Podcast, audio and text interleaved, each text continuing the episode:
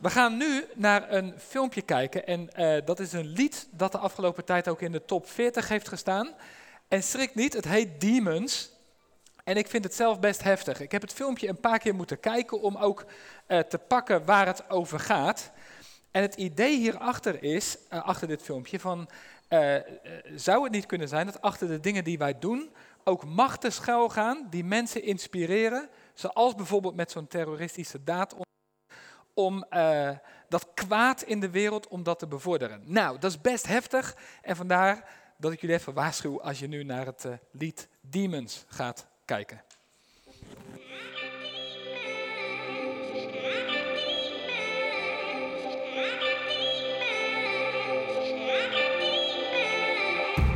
Close my eyes and talk to God. Pray that you could save my soul. Look to you to shine a light before the darkness takes a hold.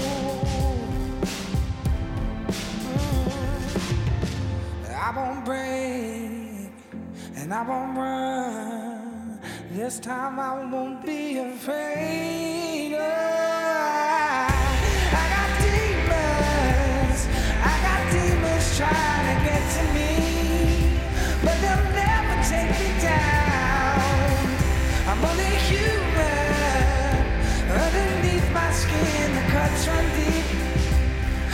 just need a little time to work them out.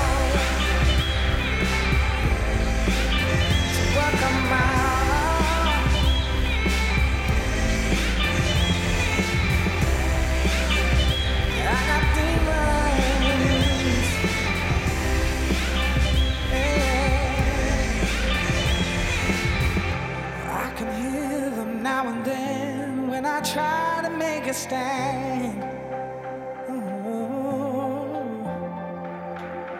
They try their best to pull me under. That's when I reach for your hand.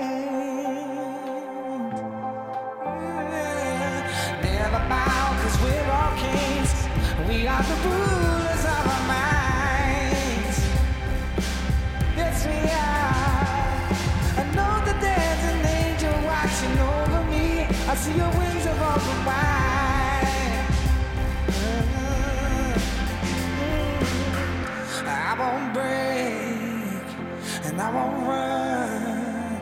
This time I won't be afraid.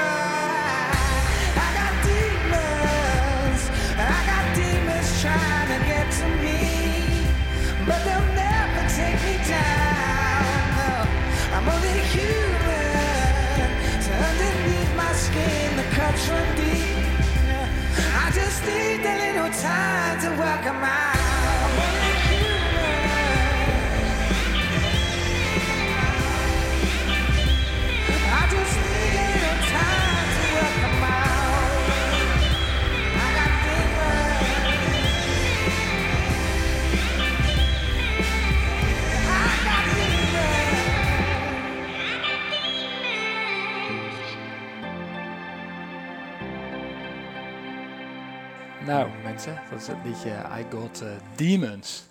Lekkere intro zeg je misschien voor een eh, zondag. Welkom allemaal.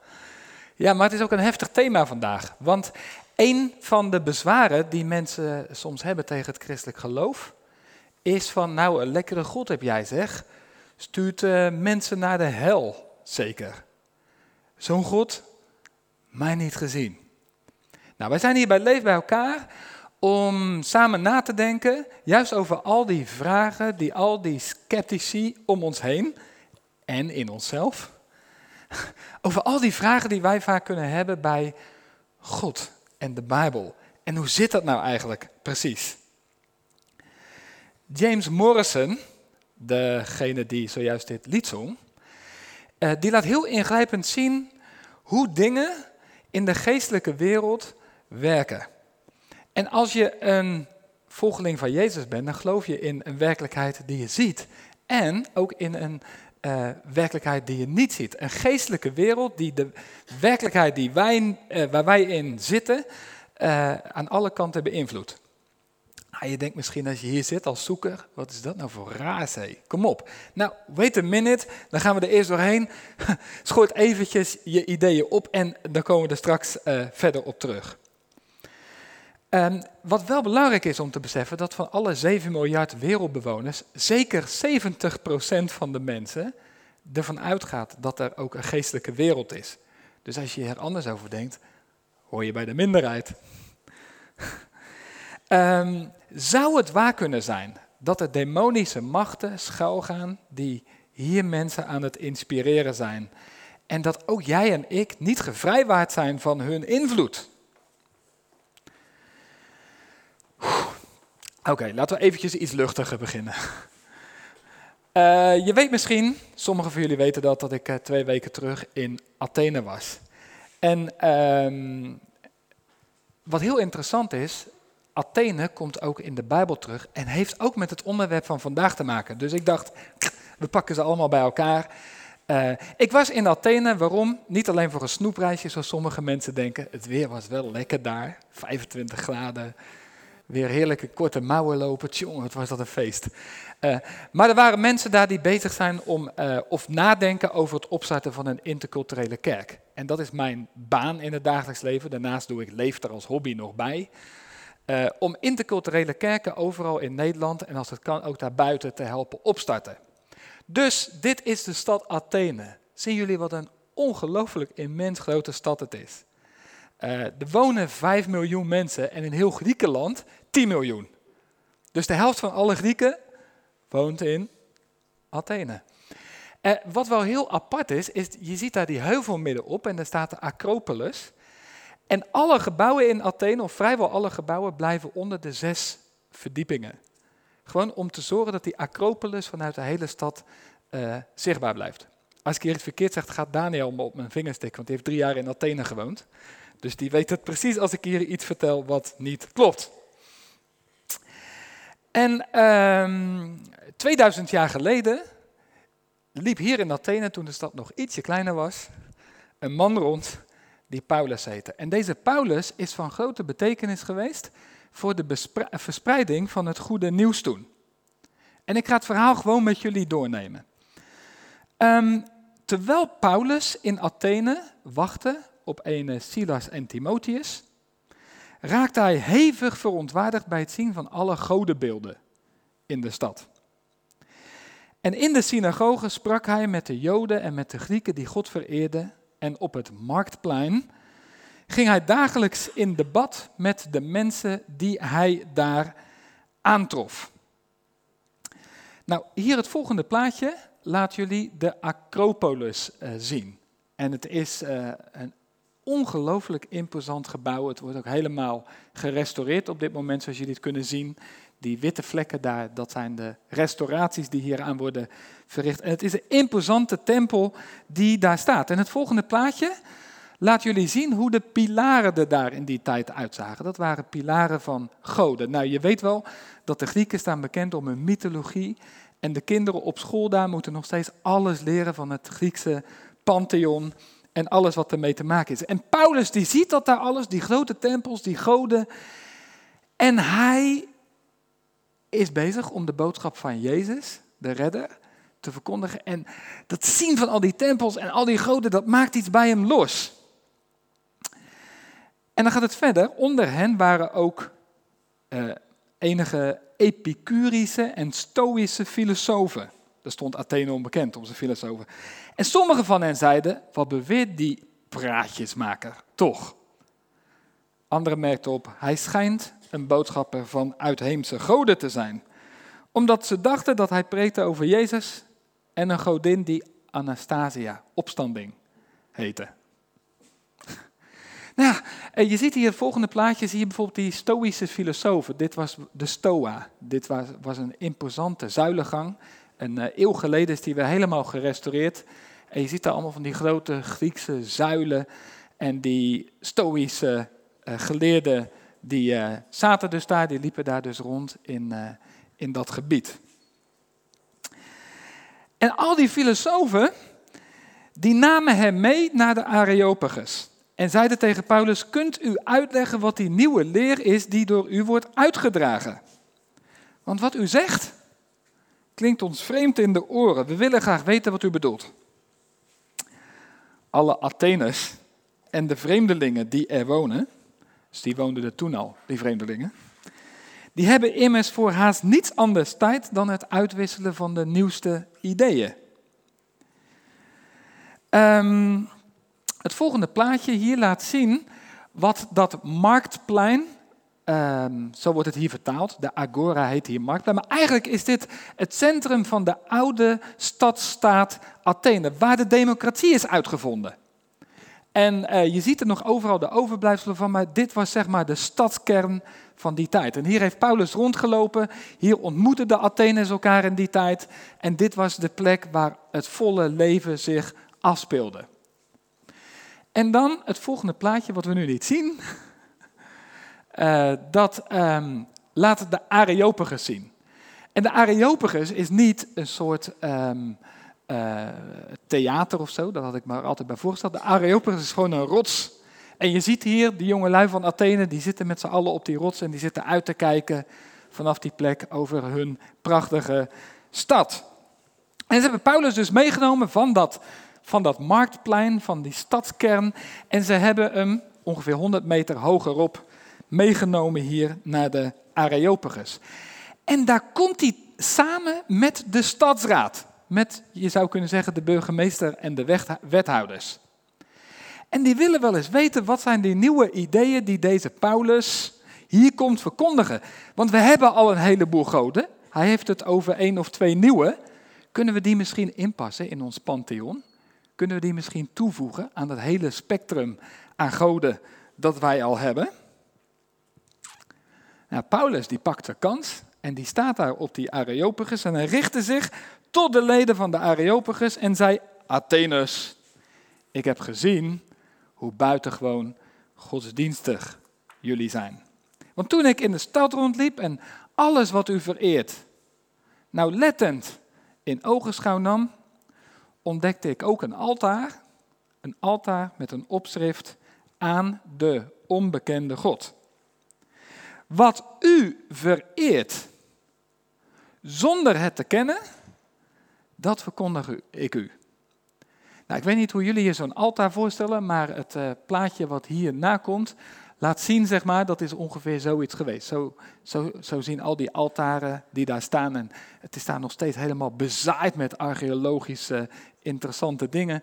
Daar zie je bijvoorbeeld ook zo'n zo'n altaar daar ehm, tussen staan. En Paulus zegt, ik liep daar rond in Athene en ze hadden niet alleen voor alle goden die ze kenden, maar zelfs een god die ze niet kenden. Voor het geval dat ze er eentje over het hoofd hadden gezien. Zelfs daar hebben ze een altaar voor gemaakt. En Paulus zegt, die God, die kom ik jullie bekendmaken. En hoe doet hij dat dan? Hij begint zo. Hij zegt, die God die de wereld heeft gemaakt en alles wat, hij wat er leeft, hij die over hemel en aarde heerst, woont niet in door mensenhanden gemaakte tempels. Hij laat zich ook niet bedienen door mensenhanden alsof er nog iets is wat hij nodig heeft. Hij die zelf aan iedereen leven en adem en al het andere schenkt. Deze God zegt, die is zo ontzettend transcendent, zeggen theologen dan, boven alles verheven, zo vol majesteit, dat denk niet dat hij jou nodig heeft. Zeker, hij wil een relatie met je, maar hij is God in zichzelf. Hij is de verhevene. Hij is degene voor majesteit. Je hoeft niet van alles voor hem te doen om hem tevreden te stemmen. Nou, wat ik heel bijzonder vind, is, hier staat niet Paulus, maar Theo op de Areopagus. en um, toen ik daar stond op de plek waar Paulus zo'n beetje moet hebben gestaan, in die tijd moet de raad van Athene, die hier dus in allerlei zetels om hem heen op de een of andere manier op die rots hebben gezeten. Toen ik daar stond, besefte ik pas zo, die gast die durft wel zeg. Want hij staat daar te vertellen van deze God woont niet in tempels die met mensenhanden zijn gemaakt. En wat zie je daar op de achtergrond, 200 meter er vandaan? Die grote, machtige Acropolis met al die imposante tempels. En dat kleine mannetje, Paulus, hij wordt in de Bijbel geschreven als een kereltje van 1,50 meter met O-benen en een grote neus en een kaal hoofd. Dat kleine mannetje, Paulus, staat hier dus, ik ben nog niet zo groot, en dan staat hij voor die grote tempel en hij zegt, ja, daar woont God niet in. En hij tart het hele godsdienstige systeem van Athene met die paar woorden. Dat vind ik ook wel een vraag voor mezelf en voor ons. Van durven wij tegenover alle tempels en alle imposante denkwerken en bouwwerken van deze tijd, durven wij God na te spreken, als ik het zo zeggen mag? Durven wij te zeggen wat Hij zegt? Ook als de grote meerderheid om ons heen daar totaal anders over denkt. Paulus deed het gewoon. En zo gaat hij dus die confrontatie aan. En het volgende vers vind ik heel bijzonder, want hij heeft dus net gezegd van God is zo ongelooflijk groot dat hij je niet nodig heeft. En dan gaat hij opeens tegenover, maar die God is ook niet alleen transcendent, maar ook immanent, heel dichtbij. Waarom? Dan komt het, het was Gods bedoeling dat ze hem zouden zoeken en hem altastend zouden kunnen vinden, aangezien hij van niemand van ons ver weg is. Hoe vind je die? Paulus zegt, deze God, je denkt misschien, waar is die? Hij is zo dichtbij. Dat je niet heel lang hoeft te zoeken, dat je niet voor alles op zijn kop hoeft te zetten, dat je geen dure offers hoeft te brengen, dat je niet voor alles uit de kast hoeft te trekken om hem te vinden. Want hij is dichtbij. Het is zijn bedoeling dat je hem, als je hem zoekt, al tastend, dat je hem zou vinden. Want hij is van niemand van ons ver weg, lieve mensen. En die slimmerik, die gaat door. En dan citeert hij twee van de dichters van Athene. Ene Epimenides en Aratus. Gedichten overigens die over Zeus gaan. En hij past ze zomaar naadloos toe op God. Hoe doet hij dat? Zo. Hij zegt, want in hem leven wij, bewegen wij en zijn wij. Dat is citaat 1. Of zoals ook enkele van uw eigen dichters hebben gezegd, citaat 2, uit hem komen wij ook voort. Als wij dan uit God voortkomen, moeten we niet denken dat het goddelijke gelijk is aan een beeld van goud of zilver of steen, het werk van een ambachtsman door mensen bedacht. En opnieuw, opnieuw sluit Paulus dus aan bij de dichters, het gedachtegoed van zijn tijd. Nou, hier zie je op dit plaatje, zie je, uh, en je kunt dit vanaf de Acropolis zo uh, zien. Ik heb deze foto genomen vanaf die Acropolis de tempel van Zeus. En Zeus was zeg maar de oppergod, de grootste, de bekendste van het hele pantheon. Of hier nog van iets dichterbij, um, deze ja, immense pilaren. Ik denk dat ze echt zeker zes meter hoog zijn. Als je daarbij staat, dan verdwijn je echt helemaal in het niet. Of nog even een foto van zo'n God waar hij het hier over heeft. De godheid is niet van steen of goud. Nou, ik geloof dat mijn hoofd ongeveer hier staat. En zo hoog torent dit beeld van deze God in Athene hier boven mij uit. Oké, dit is Paulus in Athene. Je zegt misschien, maar wat heeft dat nou te maken met het thema van vandaag van lekkere God is dat, zegt die mensen in de hel zou gooien. Um, dan komt Paulus bij een punt in zijn toespraak dat hij het hierover gaat hebben op een manier dat het alles te maken heeft met het thema van vandaag. Want, gaat hij verder, deze God heeft bepaald dat er een dag komt waarop hij een rechtvaardig oordeel over de mensheid zal laten vellen door een man die hij voor dat doel heeft aangewezen. Het bewijst dat het om deze man, Jezus, gaat, heeft God geleverd door hem uit de dood op te wekken. Horen jullie het? Paulus zegt, er komt een dag dat iedereen, elk mens, hoogstpersoonlijk tegenover de oneindig, heilig, verheven, majesteitelijke God van hemel en aarde komt te staan om rekenschap af te leggen over wat hij of zij heeft gedaan.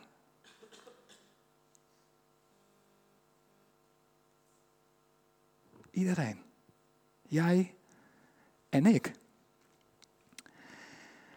En dan zal God over ons een rechtvaardig oordeel vellen.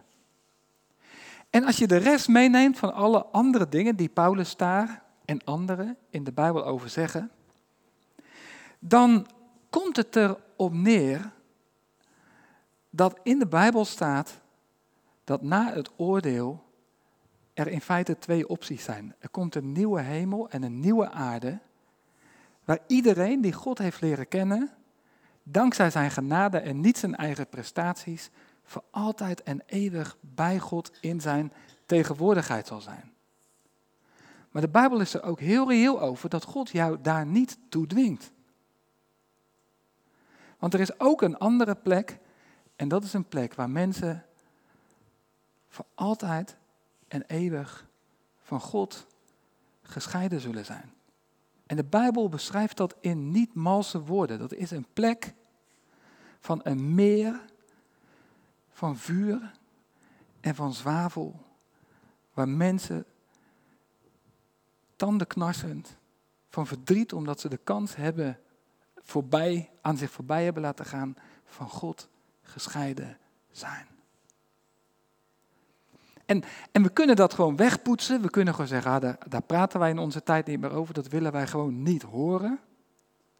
Maar als God echt God is, dan kunnen we er niet omheen dat deze dingen wel gewoon in de Bijbel staan. En dan komt de vraag ook op ons af, wat is dat eigenlijk? Allereerst, waarom zou God mensen die hem niet hoeven, op zo'n manier straffen? Toch?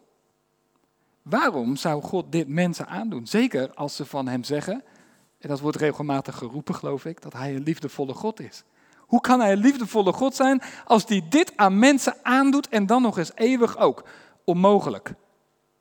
En ik begrijp heel goed dat als je zoekend bent, of misschien ook als je al heel lang bezig bent met de Bijbel, dat het ergens schuurt en wringt en dat je afvraagt, ja, wat moeten we daar nou mee? Is dat niet gigantisch achterhaald in deze tijd? Ik denk dat we allereerst, als we het willen proberen te begrijpen, moeten beseffen tegen wie is het eigenlijk dat wij vervreemd van Hem leven? Wie tarten wij eigenlijk? Wie beledigen wij eigenlijk? Wie zijn wet breken wij?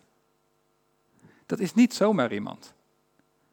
Ik bedoel, ehm, als ik mijn kind een klap geef, dan word ik terecht op mijn vingers getikt. Maar als ik in Nederland Willem-Alexander een klap in zijn gezicht zou geven, dan heb ik Sommige mensen vinden het ook pure onzin dat het zo is, maar ik heb wel een probleem. Want mensen die nog enig gevoel voor gezag hebben, zeggen ja, dat is toch wel een verschil. Of je Willem-Alexander in zijn gezicht slaat, of Barack Obama, of, ehm, ja, of een kind een, een, een, een tik uitdeelt. Of laat ik het nog eens heel anders zeggen. Als ik een mug doodsla, kijken men, mensen anders tegen mij dan wanneer ik een, een hond of bij wijze van spreken een paard zou doden. Volgens de Bijbel is zonde een misdrijf tegen de allerhoogste, allergrootste majesteit van het universum. Het is niet zomaar even mijn buurman of mijn buurvrouw. Het is God Himself. En een overtreding tegen de allergrootste majesteit heeft ook zijn consequenties. Maar weet je wat ook het punt is? Als jij zonder God leeft en je bent gewend aan een leven zonder Hem, zou je het geen seconde uithouden op de nieuwe hemel en de nieuwe aarde. Alles is daar volledig doordrongen van God. Hij is het centrum van alles. Alles gaat om Hem. Alles is puur zuiver. Alles is vol met, met Hem. En als jij God niet zou willen als de kern van je leven, zou je het geen seconde daar uithouden. Je wil zelf daar niet voor kiezen. En dan komt ook de vraag, ja maar hoe zit dat dan ook met mensen die daar bijvoorbeeld gewoon helemaal niks van afweten? Nou weet je, je ziet in de Bijbel wel dingen als deze. Ehm, van iedereen aan wie veel gegeven is, zal veel worden geëist. En hoe meer aan iemand is toevertrouwd, des te meer zal van hem worden gevraagd. Als je ergens leeft op de aarde waar je gewoon nooit van deze God hebt gehoord, zal God totaal anders naar je kijken dan wanneer je de boodschap, zoals wij vandaag hier, wel hebben gehoord. En uiteindelijk is het feit dat God rechter is ook iets hoopsvol. Want verleden week is dat al even aange, aangesneden. En dan komt niemand weg met zijn oneerlijkheid. Iedereen krijgt uiteindelijk door de enige instantie die daar volledig toe is bevoegd en alles van iedereen afweet. Iedereen krijgt wat hem of haar toekomt. Iedereen. En misschien mag ik het vandaag ook wel eens gewoon een keer zo zeggen tegen mensen die altijd maar bezig zijn om te vragen, God, waarom doet u dit en waarom doet u dat? God is ook nog eens een keer gewoon God. Ook als wij hem niet zouden begrijpen en zelfs als we het oneens met hem zijn. Want als die echt God is, kan hij nooit in alle opzichten precies beantwoorden aan ons wensenpakket. Dan zijn er ook plekken waar het wringt, dan zijn er ook plekken waar het schuurt, dan zijn er ook plekken waar we merken en voelen van. En, en dat is misschien wel het belangrijkste wat hiervan te zeggen is. Deze God wil niet dat mensen op die plek terechtkomen. Hij wil niet dat mensen van hem gescheiden blijven. Vanaf het allereerste begin van de wereldgeschiedenis is hij één grote jacht begonnen op jouw hart. En uiteindelijk heeft hij zijn eigen zoon Jezus door de hel van de gescheidenheid van zijn vader heen laten gaan. Want toen Jezus aan het kruis hing, heeft hij de bekende woorden uitgeroepen: Mijn God, mijn God, waarom heeft u mij verlaten? En wat is dat anders dan de hel zelf? Jezus is door, laat ik vandaag maar eens gewoon zo zeggen, door de verzengende vlammen van de hel heen gegaan. En hij heeft de volle last en de volle vracht van alles wat ik verdiend had, op zichzelf genomen om mij daarvan te kunnen redden en me eeuwig in de aanwezigheid van zijn vader te kunnen brengen. Lieve mensen, ik wil het zelfs vandaag zo zeggen. Als je de hel wegpoetst en als je nooit meer praat over een God die rechtvaardig is, at the end the cross makes no sense dan gaat het kruis ook eigenlijk nergens meer voor. Dan heeft Jezus min of meer gedaan, ja, als een soort verplichting aan jou en mij, ja, het is toch een beetje zijn taak om mij gelukkig te maken. En dan is er ook geen verwondering meer van, wauw, Jezus, wat u heeft gedaan is echt meer dan fantastisch. En dat is ook wat Paulus hier op de Areopagus staat te zeggen, want wat hij onder andere ook zegt, God slaat echter geen acht op de tijd waarin men hem niet kende. Dat geldt opnieuw ook voor die vraag van wat dan van al die mensen die voor Jezus leefden, die het nooit hebben gehad. God slaat geen acht op de tijd dat mensen hem niet kenden. Laat dat maar lekker rusten. Maar op nu, overal, de mensen op dat zij zich bekeren, dat zij een nieuw leven beginnen. Dat is de oproep van het hart van het goede nieuws, waar wij hier bij Leef, met alle praktische dingen die we ook doen, mee bezig zijn. God verkondigt. Hij roept je op. En vandaag mag ik zomaar zijn heraut zijn. Om het tegen jullie namens hem te zeggen. Laat je redden. Bekeer je. Wend je toe naar Jezus. Word zijn eigendom. En neem alsjeblieft zoveel mogelijk andere mensen mee naar zijn grote toekomst. Bekeren heeft eigenlijk twee aspecten in zich. Het eerste is dat je jezelf afkeert en het tweede is dat je jezelf toekeert. Um, nog even terug naar dat filmpje aan het begin van Demons. Ik weet niet of je het verstond, maar op een gegeven moment gaat het over deze tekst. En dat zeg ik in het verlengde van afkeren. I got demons trying to get me, but they'll never take me down. I'm only human. Underneath my skin, the cuts run deep. I just need a little time to work them out. Dat is het eerste waarvan je jezelf mag afkeren. I just need a little time to improve myself. Ik heb wat tijd nodig om mezelf beter te maken. Ik heb wat tijd nodig om aan mezelf te werken. Ik heb wat tijd nodig om mezelf uh, ja, beter te maken. God zegt, daar mag je je van afkeren. Want je hoeft niet naar mij te komen op basis van wat jij doet. Jij hoeft niet naar mij te komen op basis van jouw prestaties, van jouw proberen jezelf beter te maken. Daar mag je jezelf van afkeren. Van een leven zonder God, van je eigen ego. Van alles wat duister en wat zwart is en wat je liever niet aan anderen zou willen weten, die hier om je heen zitten. Daar mag je je van afkeren, van alle hebzucht en oneerlijkheid en onzuiverheid. Aan alles wat rammelt als je jezelf helemaal in het zuivere licht van God plaatst. Dat mag je achter je laten. Afkeren. Maar wat minstens zo belangrijk is, je toekeren. Je toekeren naar Jezus. Je toekeren naar de God die wil dat je altijd en eeuwig bij Hem bent in Zijn tegenwoordigheid.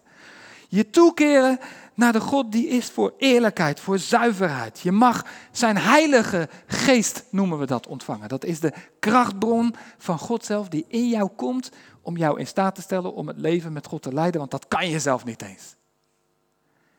En die heilige geest kan jou ook helpen om die verbinding met Jezus te krijgen, want dat lukt jou ook niet zelf. En dat is ook heel concreet. Het volgende plaatje hier, Laat ook iets zien wat ik in Athene zag, want je weet dat uh, misschien dat in Athene 700.000 vluchtelingen per jaar binnenkomen. En Atheners over het algemeen zijn echte racisten. En er wordt vanuit de regering, ook vanwege geldgebrek, gewoon heel weinig gedaan aan vluchtelingen. Maar er zijn ook een heel aantal mensen daar geïnspireerd door de liefde van Jezus die dit zich gigantisch aantrekken. Ik was daar op het Victoriaplein en dan zie je die mensen, die zijn hier net aangekomen van hun boottocht over de Middellandse Zee. En ze liggen hier op het Victoriaplein. En je ziet hier dit prachtige, lieve kleine meisje. En onderdeel van het toekeren is wat het volgende plaatje laat zien. Dat is deze man, ik was op bezoek bij hem. Ehm, de kerk heeft 100 meter van het Victoriaplein een gebouwtje gehuurd. Ze hebben iemand aangesteld die daar aanwezig is. En elk uur openen ze hun deur en dan kunnen ze twintig vluchtelingen binnenlaten. Die kunnen zich wassen, die kunnen daar eten, die hebben een wifi-verbinding, die kunnen zich opknappen. En na een uur wordt er dan weer plaatsgemaakt voor een nieuwe groep, zodat zoveel mogelijk mensen daar uh, geholpen worden. Weet je, je bekeren naar God is niet alleen maar een geestelijk plaatje of zo. Dat is gewoon heel concreet, handen uit de mouwen na die puinhoop die het soms om je heen is. Uh, maar weet je wat het belangrijkste is? Het belangrijkste kwam ook in het lied van net naar voren. En dat is deze tekst. En lieve mensen, als je hier zit en je bent het uh, geloof aan het verkennen, dan zou ik je dit gebed wel willen aanraden. I close my eyes and talk to God and pray that you can save my soul. I look to you to shine a light before the darkness takes a hold. Als er iets is als er iets is wat belangrijk is vandaag, is dat je bij deze God bent. Want mensen, er staat niet niks op het spel. Er is nogal een consequentie aan verbonden. En de afgelopen week las ik in de krant in Trouw dat de Franse oud-advocaat-generaal, denker, opiniemaker Philippe Bilger daar zegt, en het raakte me gewoon. Wat wij in deze tijd met alle chaos en die toestand gisteren met Brussel, dat zomaar in één keer alles afgesloten wordt en winkels dicht. En, en wat een week hebben wij achter de rug zeg in dit land. Wat wij nodig hebben is een onwrikbaar geloof in het goede. Een geloof dat veel aantrekkelijker is dan het nihilisme van IS. Lieve mensen, wij hebben in deze tijd hoop nodig. Wij hebben in deze tijd iets, iemand nodig om je aan vast te klampen. En ik zeg je daarom dat alle mensen overal verkondigd wordt dat ze zich bekeren. Oké, nou, misschien zit je hier en zegt, ja, leuke boodschap uh, vandaag daarbij Leef. Laatste keer dat ik er ben. Kan. Kan. Ik hoop het niet natuurlijk. Ik hoop het niet. Maar daar in Athene was het al een heel verschillende reactie, toen 2000 jaar geleden. Want toen ze hoorden van een opstanding van de doden, dreven sommigen daar de spot mee. Terwijl anderen zeiden, daarover moet u ons een andere keer nog eens vertellen. Wat ook een vriendelijke manier is om te zeggen, Goeiedag. En zo vertrok Paulus uit hun midden. Was het toen klaar? Nee, het was niet klaar, want daar gebeurde hetzelfde als wat er ook vandaag bij Leef en in de toekomst van Leef zal gebeuren. Toch sloten enkelen zich bij hem aan en aanvaarden het geloof. Onder wie ook een Areopagiet, een wethouder. die daarbij zat om te beoordelen. Dionysius. En een vrouw die Damaris heette en nog een aantal anderen. En toen ik in Athene was, ontdekte ik iets wat ik nooit heb geweten. Weet je wat de naam is van de eerste bisschop van Athene? Ik heb de overblijfselen gezien van de kerk die naar zijn naam vernoemd is. Dionysius, de Areopagiet. En de geschiedenis zegt dat hij ook in Duitsland en in Spanje is geweest om datzelfde goede nieuws, dat God alle mensen overal verkondigt om zich te bekeren, dat hij dat ook in Spanje en in Duitsland, Germania, misschien zelfs hier in dit gebied, heeft gebracht. Lieve mensen, laat het gewoon nog één keer herhalen. Deze God verkondigt alle mensen, ook jou, ook vandaag, dat jij jezelf bekeert. Amen. Laten we een moment stil te nemen.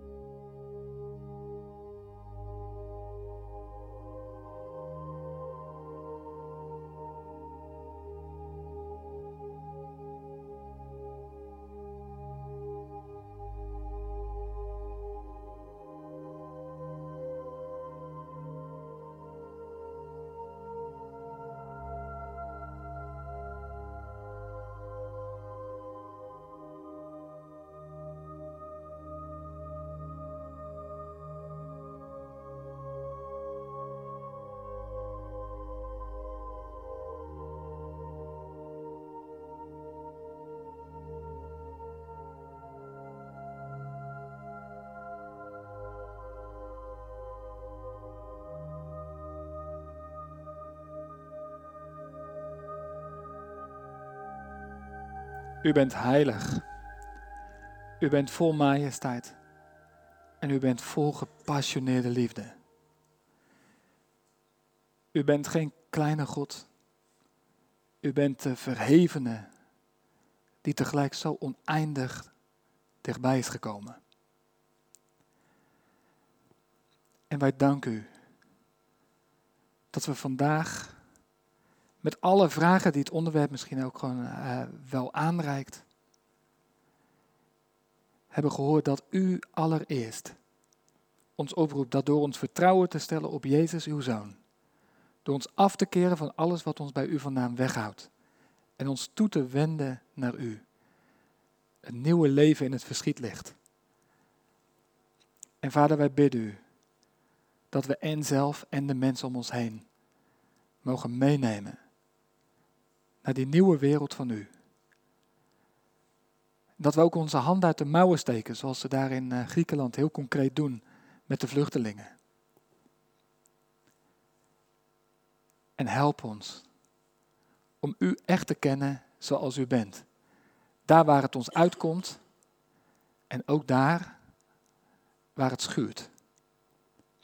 We bidden u ook voor onze wereld vol wanorde, vol angst, vol onzekerheid. Met al die mensen die op de vlucht zijn. Met al die angstgevoelens richting die stromen vluchtelingen die de landen van Europa overstromen. Naar de terreurdreigingen en de onzekerheid die dat met zich meebrengt. En in die wanorde roepen wij het uit. Heer Jezus, kom snel. Amen.